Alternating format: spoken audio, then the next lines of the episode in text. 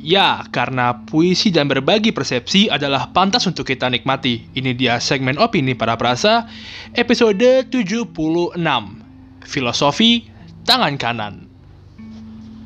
Well, uh, pada episode kali ini uh, aku mau bahas tentang sebuah apa ya pemikiranku tentang hal yang lagi uh, aku rasain kayak gitu. By the way sebelumnya ini uh, mohon maaf banget kalau semisal aku udah jarang apa ya jarang upload, jarang uh, ngepodcast dan segala macem ya karena memang alasan pertamanya nunggu mood sih. Jadi emang nunggu mood, nunggu mood banget. Dan selain itu juga aku nunggu topik apa yang emang benar-benar lagi pengen aku sampein gitu ke pendengar khususnya kayak gitu. Karena jujur kalau aku mau nge-podcast tanpa ada topik yang benar-benar aku serak itu uh, itu berat banget gitu dan takutnya nanti jatuhnya malah nggak apa ya nggak sedalam nggak bakal sedalam itu untuk uh, aku bahas kayak gitu. Oke, okay, anyway, uh, kembali ke topik tadi. Uh, hari ini aku mau bahas tentang sebuah, aku nyebutnya filosofi ya uh, ini nggak nggak apa ya tidak seberat yang kalian pikirkan tentang arti kata filosofi gitu. Uh, aku menamainya filosofi karena memang ini adalah sebuah analogi yang sebenarnya ini nggak nggak pure dari aku gitu. Aku cuma uh, dapat ini dari uh, I, I forgot uh, where I got this but uh, mungkin di YouTube di YouTube atau di acara seminar di mana gitu intinya hmm, ini adalah filosofi yang sampai saat ini masih aku bawa kayak gitu nah nama filosofinya itu adalah filosofi tangan kanan Oke, sebelum aku jelasin lebih lanjut tentang apa sih itu filosofi tangan kanan gitu. Pertama-tama aku mau ajak kalian para pendengar untuk uh, kita berangkat dari sebuah fenomena gitu, dari sebuah uh, apa ya, uh, sebuah hal yang nyata terpampang di depan kita gitu. Especially about what we talk about atau what we call about passion.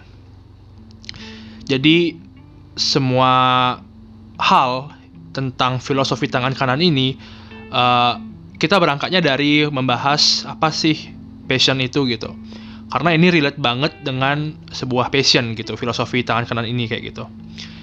Oke, okay, uh, mungkin para pendengar pernah dengar gitu, pernah apa ya, pernah menyimak mungkin atau pernah uh, membaca ataupun uh, melihat menonton gitu ya di beberapa uh, sosial media ataupun membaca buku atau mungkin uh, sekedar informasi di sosial media yang selit apa yang terlintas gitu kan di uh, apa namanya di beranda kalian gitu tentang passion gitu. Nah, sebenarnya ini juga hal yang aku hmm, apa ya ingin sampaikan gitu. Ini keresahanku tentang beberapa statement tentang passion gitu. Nah, salah satunya adalah seperti ini. Hmm, apa ya? Hmm, jangan apa ya? Uh, oh ya. Jangan anggap hal apa ya? Jangan uh, jangan anggap hal uh, jangan anggap permasalahan yang kamu temui itu adalah sebuah uh, kesulitan gitu Jangan anggap sebuah masalah yang kamu temukan dalam hidupmu adalah sebuah kesulitan, tetapi anggap itu sebuah tantangan kayak gitu. Mungkin uh, para pendengar pernah mendengar pernyataan tersebut gitu. Dan apa ya? Dan uh, statement ini bias biasanya sih lumrah dikait-kaitkan dengan yang namanya passion gitu bahwa uh, ketika kita mengerjakan hal hal apa pun itu ya dalam hidup kita maka biasanya teman-teman atau mungkin keluarga atau siapalah gitu akan memberikan semangat ke kita gitu. Kita akan diberikan semangat berupa kata-kata itu, yaitu uh, eh eh kamu jangan anggap permasalahan yang kamu temui itu sebuah kesulitan, anggap aja itu sebuah tantangan gitu. Jadi kamu bisa apa ya, bisa improve diri kamu dan segala macam gitu. Um, oke, okay. awalnya aku berpikir sependapat gitu ya. Aku uh, awalnya sependapat dengan argumen itu bahwa memang sih apa ya uh, kita kalau kita anggap hal itu sebuah kesulitan gitu itu maka akan apa ya itu sebenarnya akan mengganggu mindset kita tentang bagaimana kita uh, menanggapi hal tersebut gitu. Bagaimana kita akan memandang hal tersebut gitu. Karena hal apa pun yang kita lakukan, sulit tidaknya sebenarnya itu tergantung dari mindset kita melihat hal tersebut seperti itu. Jadi awalnya aku setuju tentang tentang apa sih tentang statement itu gitu. And uh, hingga pada akhirnya aku mikir-mikir lagi nih tentang statement yang tadi aku bilang mbak tentang apa ya tentang itu.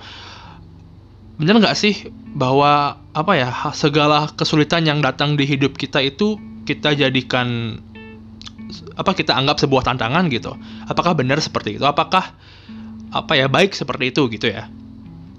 Hingga pada akhirnya aku sadar bahwa statement itu tergantung dari konteksnya gitu tergantung dari konteks apa yang kita kerjakan dalam artian kita nggak bisa pukul rata semua masalah yang kita hadapi itu kita anggap sebagai tantangan gitu. Sometimes it's okay to say that it is hard, it is not challenging gitu. Ya kadang-kadang aku ngerasa bahwa kita layak kok bilang bahwa hal ini sulit gitu. Ini bukan tantangan buat aku, tapi ini emang sulit gitu. Nah, konteksnya apa gitu? Konteksnya apa sih yang membuat yang membedakan kapan kita bilang sulit, kapan kita bilang suatu hal itu sulit, dan kapan kita bilang suatu hal itu menantang seperti itu. Nah, barulah masuk di sini yang namanya filosofi tangan kanan. Filosofi tangan kanan di sini yang saya maksud adalah, hmm, oke okay, gini. Jadi analoginya adalah kita menulis dengan tangan gitu. Kita menulis sesuatu dengan tangan kanan gitu, atau kita menggambar deh gitu ya. Uh, ini ini kasusnya orang normal ya gitu. Mungkin bagi orang kidal ya beda lagi kasusnya gitu. Tapi sebenarnya hampir sama kok gitu. Oke, ini untuk yang orang normal ya, yang menulis dengan tangan kanan seperti itu. Oke, ketika kita menulis dengan tangan kanan, eh, ketika kita ketika kita menggambar dengan tangan kanan, katakanlah seperti itu, maka gambaran kita apa ya atau atau tulisan kita bisa uh, bagus banget gitu dari yang fontnya entah itu Times New Roman atau apalah gitu. At least tulisan kamu akan bisa terbaca dan bisa bagus banget gitu. Kamu nulisnya penuh dengan kalau orang-orang bilang sih ngukir ya, ngukir tulisan kayak gitu. Atau mungkin ya apa ya, tulisan kamu layak untuk dibaca lah gitu karena memang bisa dibaca seperti itu. Intinya bagus banget gitu.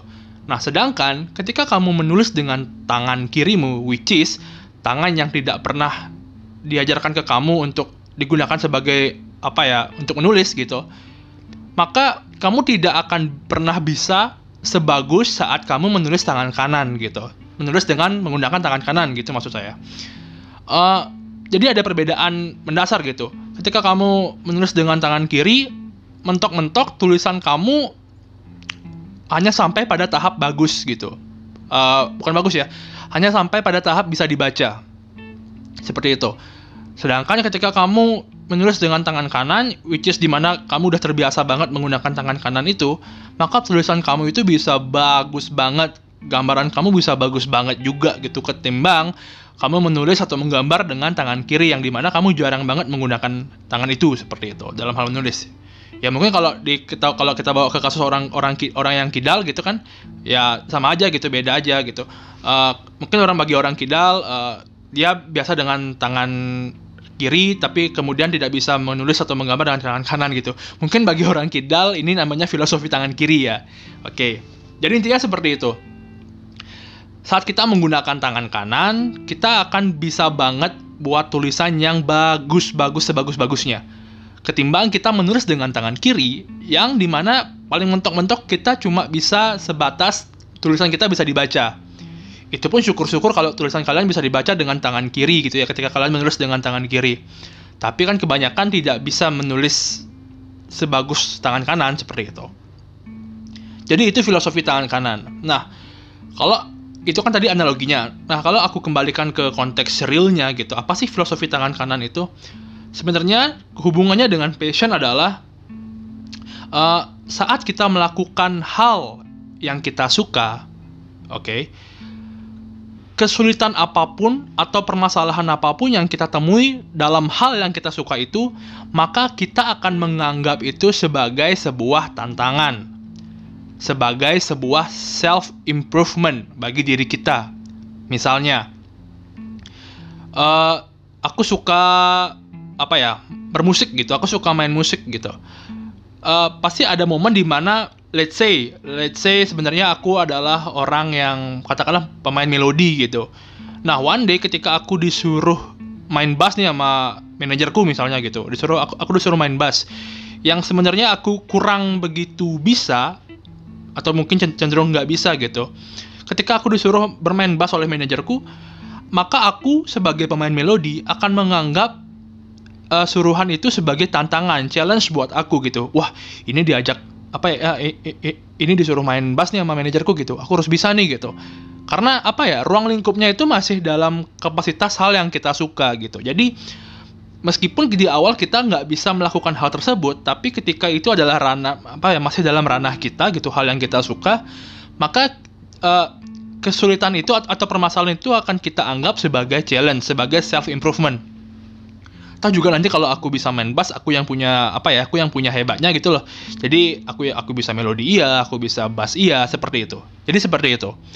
Nah, lain halnya ketika kita misal aku pemain melodi gitu, terus tiba-tiba aku disuruh apa ya, katakanlah disuruh uh, apa sih main bola gitu deh misalnya main bola eh, woi kamu main bola ya besok gitu bisa uh, katakanlah itu kata manajerku gitu maka aku akan menganggap suruhan manajerku itu adalah sebuah beban gitu. Karena basically aku tuh orang yang tidak bisa berolahraga apalagi dalam hal sepak bola seperti itu. Karena aku basicnya adalah seorang musisi seperti itu katakanlah seperti itu.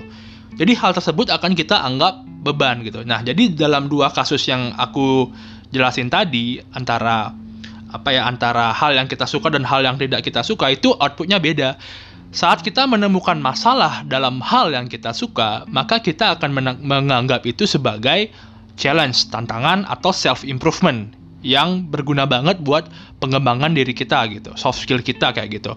Ibaratnya sama nulis dengan tangan kanan. Maka ketika kita menemukan apa ya, ketika ketika kita disuruh menulis katakanlah huruf apa gitu huruf Latin atau apalah gitu yang itu kan baru banget buat kita kalau kita disuruh nulis dengan tangan kanan maka kita mungkin banget untuk misal nulis itu sebagus-bagusnya gitu.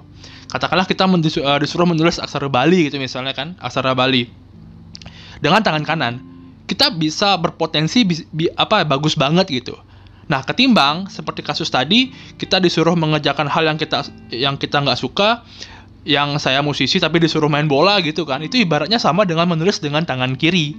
Menulis ibaratnya sama disuruh dengan menulis aksara Bali dengan tangan kiri gitu. Yang itu pasti sulit banget seperti itu.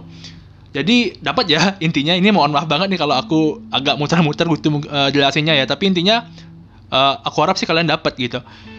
Filosofi tangan kanan adalah sebuah filosofi di mana kita harus bisa uh, membedakan nih mana hal yang harusnya kita anggap sulit, mana hal yang harusnya kita anggap tantangan.